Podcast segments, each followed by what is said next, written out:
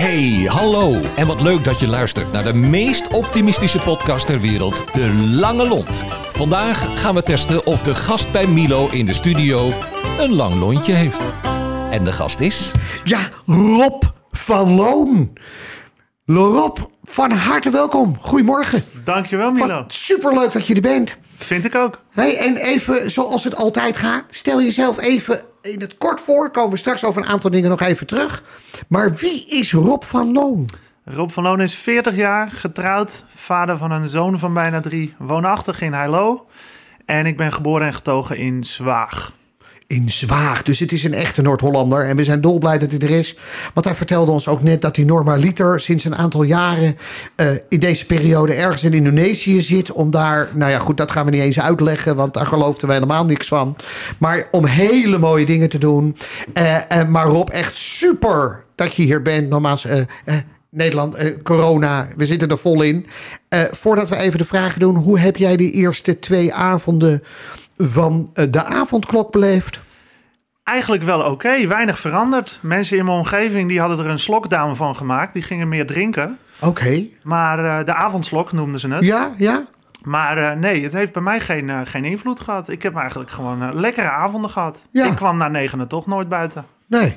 Nee. Oh, dat is op zich wel. Nou ja, even de een nieuw woord geïntroduceerd. De slokdown. De slokdown. Ja. En dat betekent dat je gewoon niet drinkt of meer drinkt. Ja, ja, en de avondslok, dat is dan voor de andere mensen die in die andere wave zitten, die gaan, die gaan juist meer drinken. Dus je kan kiezen, de avondslok of de slokdown. Helemaal goed. Ja. Nou, we komen er nog even op terug. Eh, net zoals al mijn andere gasten. Eh, je bent lange lont, dus eh, maak de volgende zinnen, teksten gewoon maar eens even zo netjes mogelijk, maar ook zo snel mogelijk af. Daar gaat hij, Rob. Vriendelijkheid is voor jou. Heel erg belangrijk, zeker in deze tijd. Lachen is. Essentieel om een leuk leven te hebben. Mensen blij maken is. Het mooiste wat er is. Positiviteit is. Iets wat zeker wel in mijn DNA zit. Ook ik heb wel eens een kort lontje, maar. Die heb ik wel, maar die zien mensen te weinig. We ko- hou die vast, want daar komen we op terug. Want daar zit een lachje bij. Ik word enorm vrolijk van. Ehm, ik word enorm vrolijk van mensen met heel veel energie om mij heen. Ja.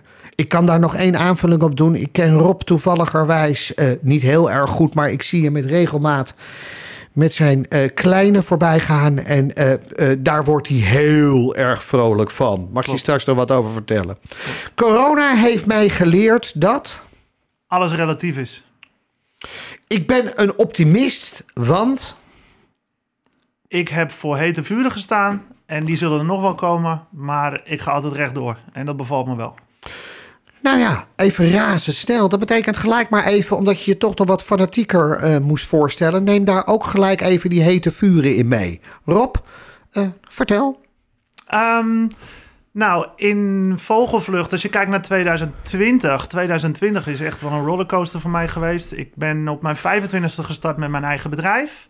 Dat was een eh evenement, een congresbureau en een tour operating agency. Eh, uitgerold tot best wel een grote organisatie. Acht man vast personeel op kantoor. Ehm 80, 90 tourguides voor mij in heel Noord-Holland aan de slag. Op de bus, te voet, op de tandem, de step of de fiets. Ehm, en ik heb afgelopen voorjaar, alweer bijna een jaar geleden, als een van de eerste ondernemingen in Noord-Holland eh, zelf gekozen om faillissement aan te vragen. Eh, het gebeurde pal voor het eh, nou, zogenaamde tulpenseizoen, wat de piek is in onze branche. En met weinig spek op de botten en een heel erg seizoensgebonden business case zat er voor mij niks anders op dan te zeggen: de handdoek moet in de ring. Ja, hoe voelde dat? In de eerste periode was dat natuurlijk eh, zwaar. Helemaal als je je personeel niet persoonlijk kan informeren, maar een Skype-meeting moet beleggen. Ja. Maar ik weet nog goed dat ik op de donderdag voor Pasen ehm, in de auto stapte met een eh, half gevuld Albert Heijn karatje met allerlei stempels, handtekeningen en formulieren om die faillissementsaanvraag erdoor te jassen. En eh, om tien voor vijf kwam ik bij de rechtbank in Alkmaar aan. En een dag later belde de curator. Die zegt: Hoi, je hebt faillissement aangevraagd. Ik ben je curator. En op dat moment ehm, gebeurt er wel wat met je. Ja, Hoe voel je dat? Het is, er gebeurt heel veel. ja. We, we, kijk, nogmaals, we zullen daar niet te diep op gaan. Maar ik Nee. zie ook, ik zie in de wel mooi. Kijk, we maken natuurlijk een podcast. En ik zie aan je dat het, dat het je dan ook raakt. Wat, wat, wat, Ja. wat geheel normaal is. Ik ben ook ondernemer, dus ik begrijp dat. Ja. Maar vervolgens, ja, dan gebeurt dat. En toen? Nou, ik ben ehm, daarna, drie maanden later, heb ik de kans. ge- Nou, eerst komt er een stukje rouwproces. En dan enkele weken later kreeg ik de kans om aan de slag te gaan bij het bedrijf. wat eh, mijn organisatie uit Viercement had gekocht. En verder ehm, eh, kreeg ik toen dus ook de kans om voor dat bedrijf gewoon weer aan de slag te gaan. Ja. Dus ik kon redelijk snel eh, in ieder geval werk weer oppakken. Alleen het mooie was dat ik buiten mijn toeristische activiteiten ook nog ehm, het een en ander deed op het gebied van coaching, begeleiden, workshops geven aan jongvolwassenen en studenten. eh, met als doel om hun meer eh, zelfstandigheid en zelfverzekerdheid te geven op het gebied van wat wil je nou van het leven? Wat verwacht je van jezelf? Nou, en ik heb dat eigenlijk vrij snel na het faillissement weer kunnen oppakken. Ehm, en dat heeft me ook weer heel veel energie gegeven en kracht om gewoon weer lekker door te gaan en Mm. door te pakken. Want je hebt zelfs nog, daar was je al mee bezig, denk ik. Maar je hebt ook in die tussenliggende periode nog een boek uitgegeven. Ja, klopt. Ik heb een Engelstalig boek uitgegeven, een praktisch werkboek voor jongvolwassenen en studenten. ehm, met als doel om de lezer ook weer eh, mee te geven van, joh, wat verwacht je van het leven? Wat is je doel? Hoe moet je er komen? Ja. En ik ging dat boek vertalen naar het Nederlands. Ja. En dat zou net voor het voorjaar van 2020 af zijn. Ja. Maar op een of andere manier moest het gebeuren. Het faillissement kwam tussendoor. Ja. Dus het boek liep vertraging op. Ja. En ik dacht, eigenlijk is dit wel een hele grote kans om in dat Nederlandse boek over ondernemen voor jonge Ja. mensen, om dat laatste staartje van mijn onderneming ook nog mee te nemen in het boek. Dus ik Ja. zie dat nu als een gift. Ja. Ik heb mijn hele ervaring bij het faillissement, maar ook om te zorgen dat je er zelf sterker uitkomt, heb ik gewoon meegenomen in het boek. En het Nederlandstalige boek kwam dus niet eh, in het voorjaar van 2020, maar in de zomer uit. Want ik vind, het echt, ik vind het echt geweldig optimistisch. Dat je uiteindelijk zegt van luister, ik moet de stekker eruit trekken. Want Ja. dat, dat, dat doe je, je zit in die transitie. Ja. En vervolgens schrijf ik een boek om mensen te helpen. Ja, Hoe ze, nou ja, misschien even zwart-wit gezegd... hoe ze kunnen vermijden om die stekker eruit te trekken. Ja, dat zeg je helemaal goed en bedankt voor het compliment. De reden dat ik dat Engelse boek in eerste instantie ging schrijven in 2019, omdat ik een vrij groot internationaal netwerk heb, is om ervaringen te delen van mij als ondernemer, om te zorgen dat jongere mensen die hun onderneming willen starten, niet in dezelfde kuilen trappen als ik. Dus ik wilde kennis delen en zorgen dat andere mensen sterker worden met mijn kennis. Ja. Nou, met dat Nederlandse boek, zoals ik net zei, lijkt het alsof ik een extra cadeautje heb kunnen geven aan al die mensen die twijfelen of ondernemerschap wat voor ze is of niet. Omdat ik dat gewoon heb kunnen meenemen. Ja. En dat voelt ook gewoon hartstikke goed. En je ziet dus nu ook dat ik van de lezers ook feedback terugkrijg van... Goh, wat goed dat je er zonder taboe over spreekt. En eh, wat fijn dat je ook dit ehm, item van ondernemen belicht. Ja. En het helpt hun ook om de keuze te maken van...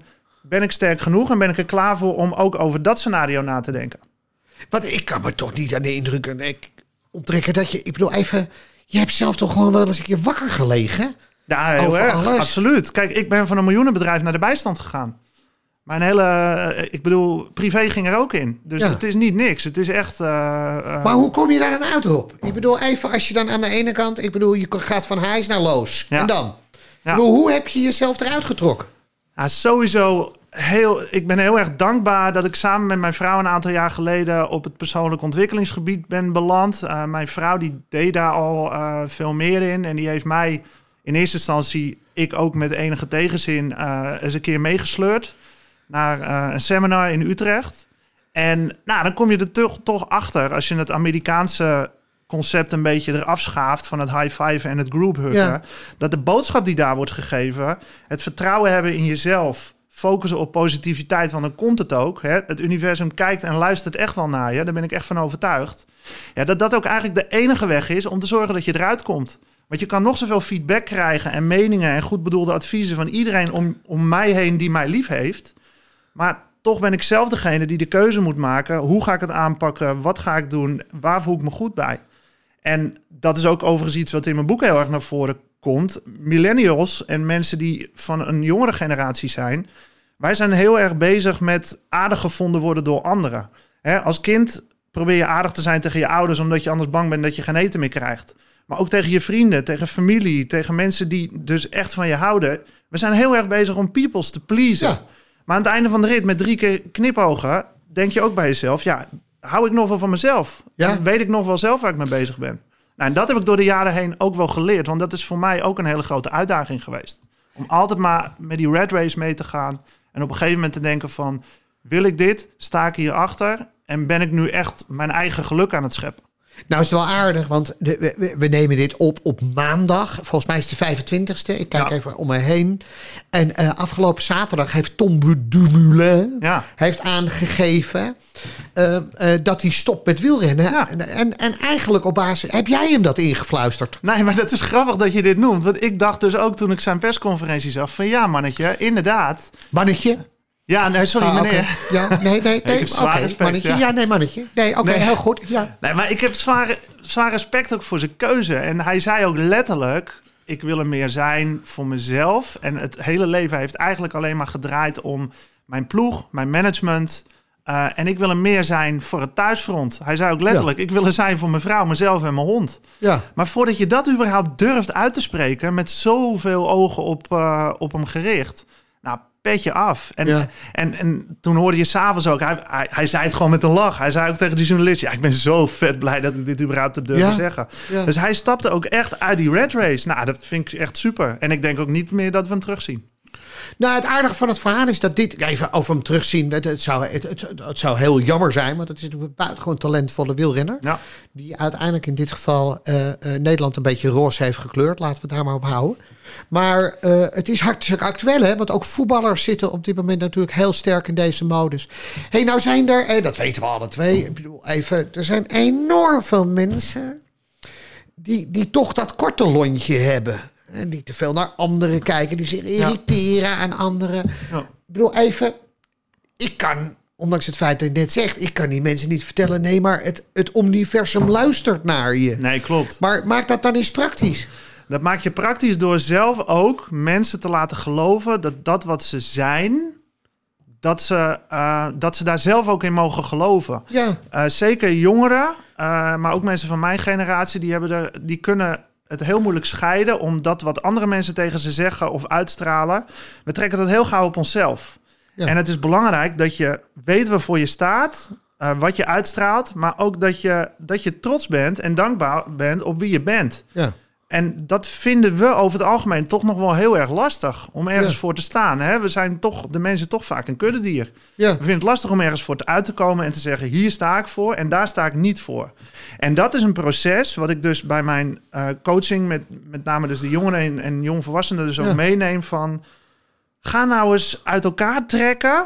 Wat is nou echt jouw leven? Dus waar sta jij voor? Wat zijn jouw doelen? Wat maakt jou gelukkig? En ga nou eens realistisch kijken wat, wat je tot nu toe in je levenspad hebt gedaan. En of dat nou echt was omdat jij dat zo graag wilde, of omdat je dacht dat de wereld dat van je verwachtte. En dat is niet een proces wat je op een dinsdagmiddag in anderhalf uur aftikt met iemand. Nee.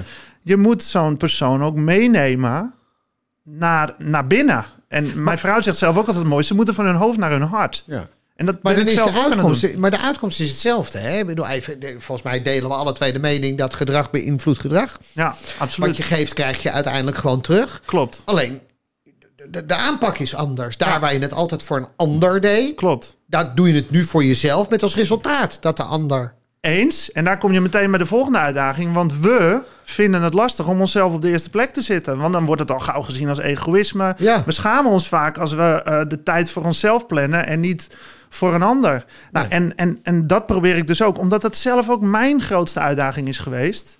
En soms nog steeds probeer ik dat nu dus ook aan andere mensen mee te geven. Dat het daadwerkelijk wel belangrijk is om voor jezelf te zorgen. Want anders Maar- kan je ook niks doen voor een ander. Maar, oh, maar dan, dat is wel aardig, want die laatste vraag wordt dan interessant. Hè? Dan kan je ook niet iets doen voor de ander. Even een, een rare, daar, die Ja. slaat er wel een beetje op aan. Wanneer hebben anderen jou heel erg blij gemaakt? Eh, heel vaak. Mensen maken mij blij, met name bijvoorbeeld in eh, mijn eigen gezin, maar ook de familie. Mensen maken mij blij door te laten zien dat zij ook van het leven genieten. Dat zij ook eh, vertrouwen uitstralen naar mij toe. Dat ze ondersteunen wie ik ben en wat ik uitstraal. Ja, Hè, het mogen zijn, daar ga je weer. Daar heb ik zelf ook mijn uitdagingen mee gehad. Ja.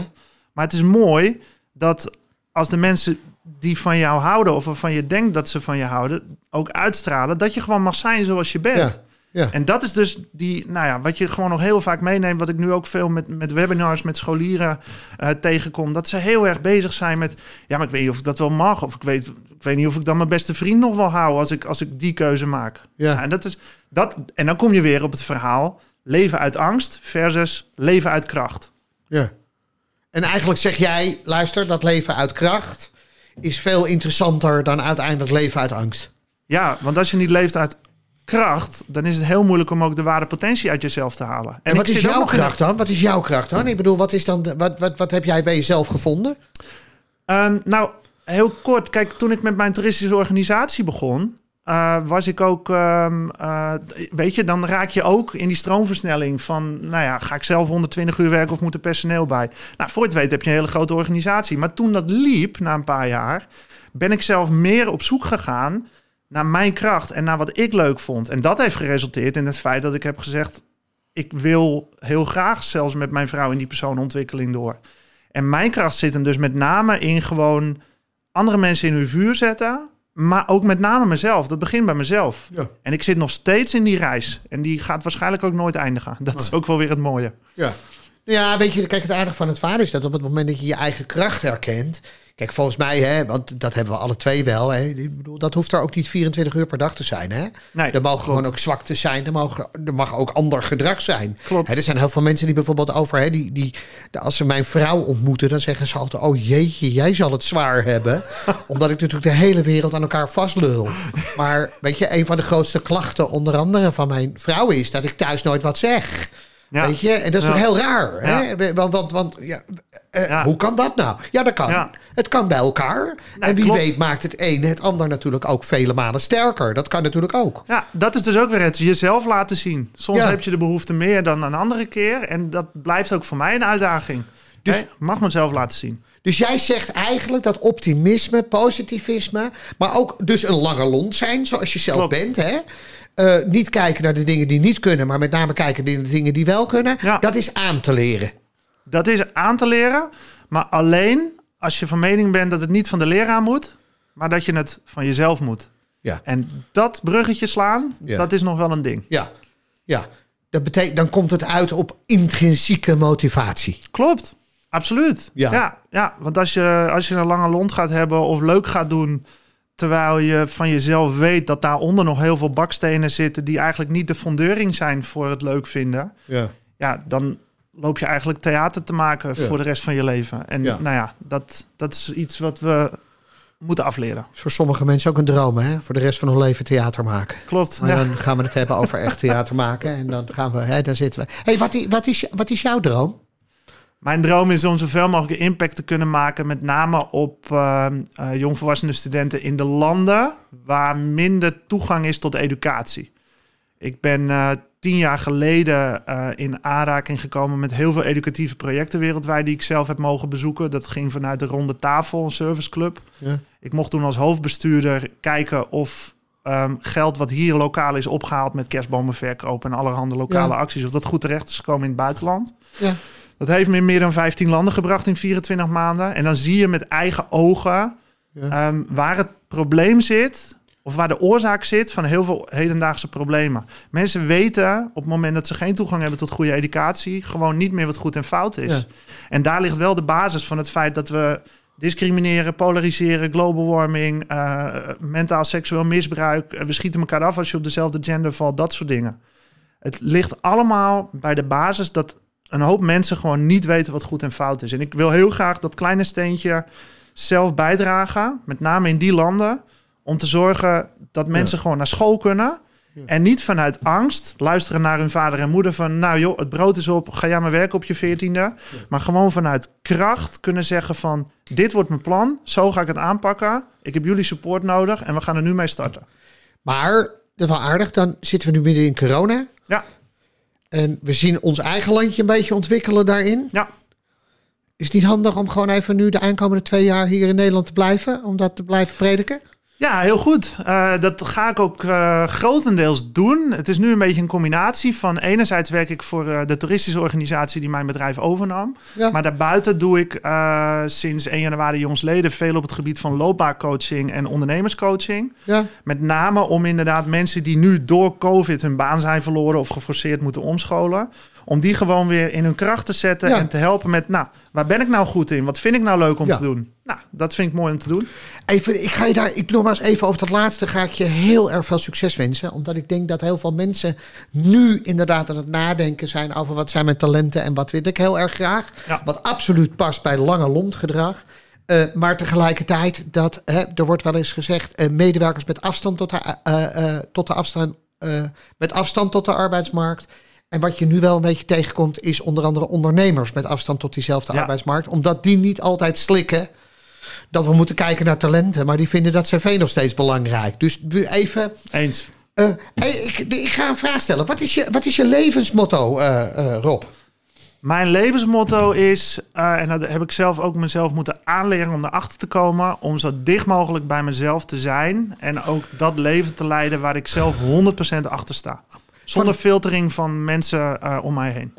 Van de week zei iemand tegen mij, vond ik wel mooi, die zei op een gegeven moment, of die gaf een advies aan een hele grote groep die ik toesprak toevallig. Die zei, wat je eigenlijk zou moeten doen is iedere dag wakker worden, naar boven lopen of naar beneden, al naar gelang waar die hangt, om even in de spiegel te kijken en, te, en, en jezelf een klein complimentje te geven. Ja, klopt. Is dat, is dat, jij geeft jezelf iedere dag een klein complimentje? Nou, het helpt je in ieder geval wel om te zorgen dat je dicht bij jezelf kan blijven. En ik heb daar ook nou, best met regelmaat moeite mee, ook in deze tijd. Maar ehm, ik weet gewoon dat als ik lief ben voor mezelf, dat de omgeving daar ook profijt van heeft. Ja.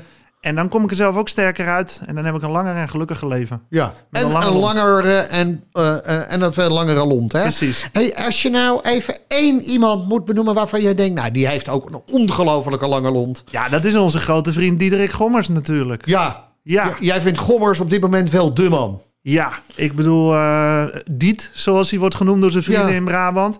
Ja, kijk, wat ik heel knap vind van hem is dat hij heeft ook die, uh, die dedicated missie om gewoon het land te inspireren en te motiveren om gewoon in te enten. Maar ook met kennisdeling gewoon te zeggen, jongens, we gaan die IC-capaciteit, gaan we gewoon binnen blijven. Ehm, eh, we gaan er gewoon met z'n allen voor.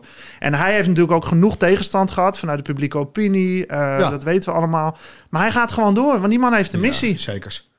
Ja, en naast die missie, en dat, is, dat hebben lange lonten sowieso, hè, aan het goede. En ik vind dat Diederik Gommers daar ook een van is.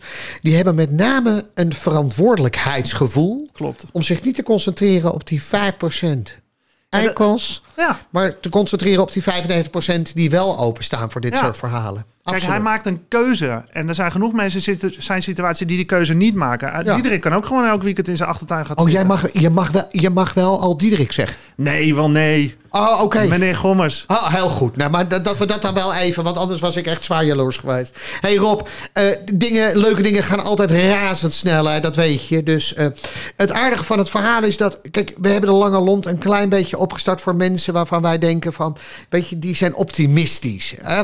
Positief is één, maar optimisme is nog een wat mooiere kernwaarde die er is. En volgens mij ben je er één.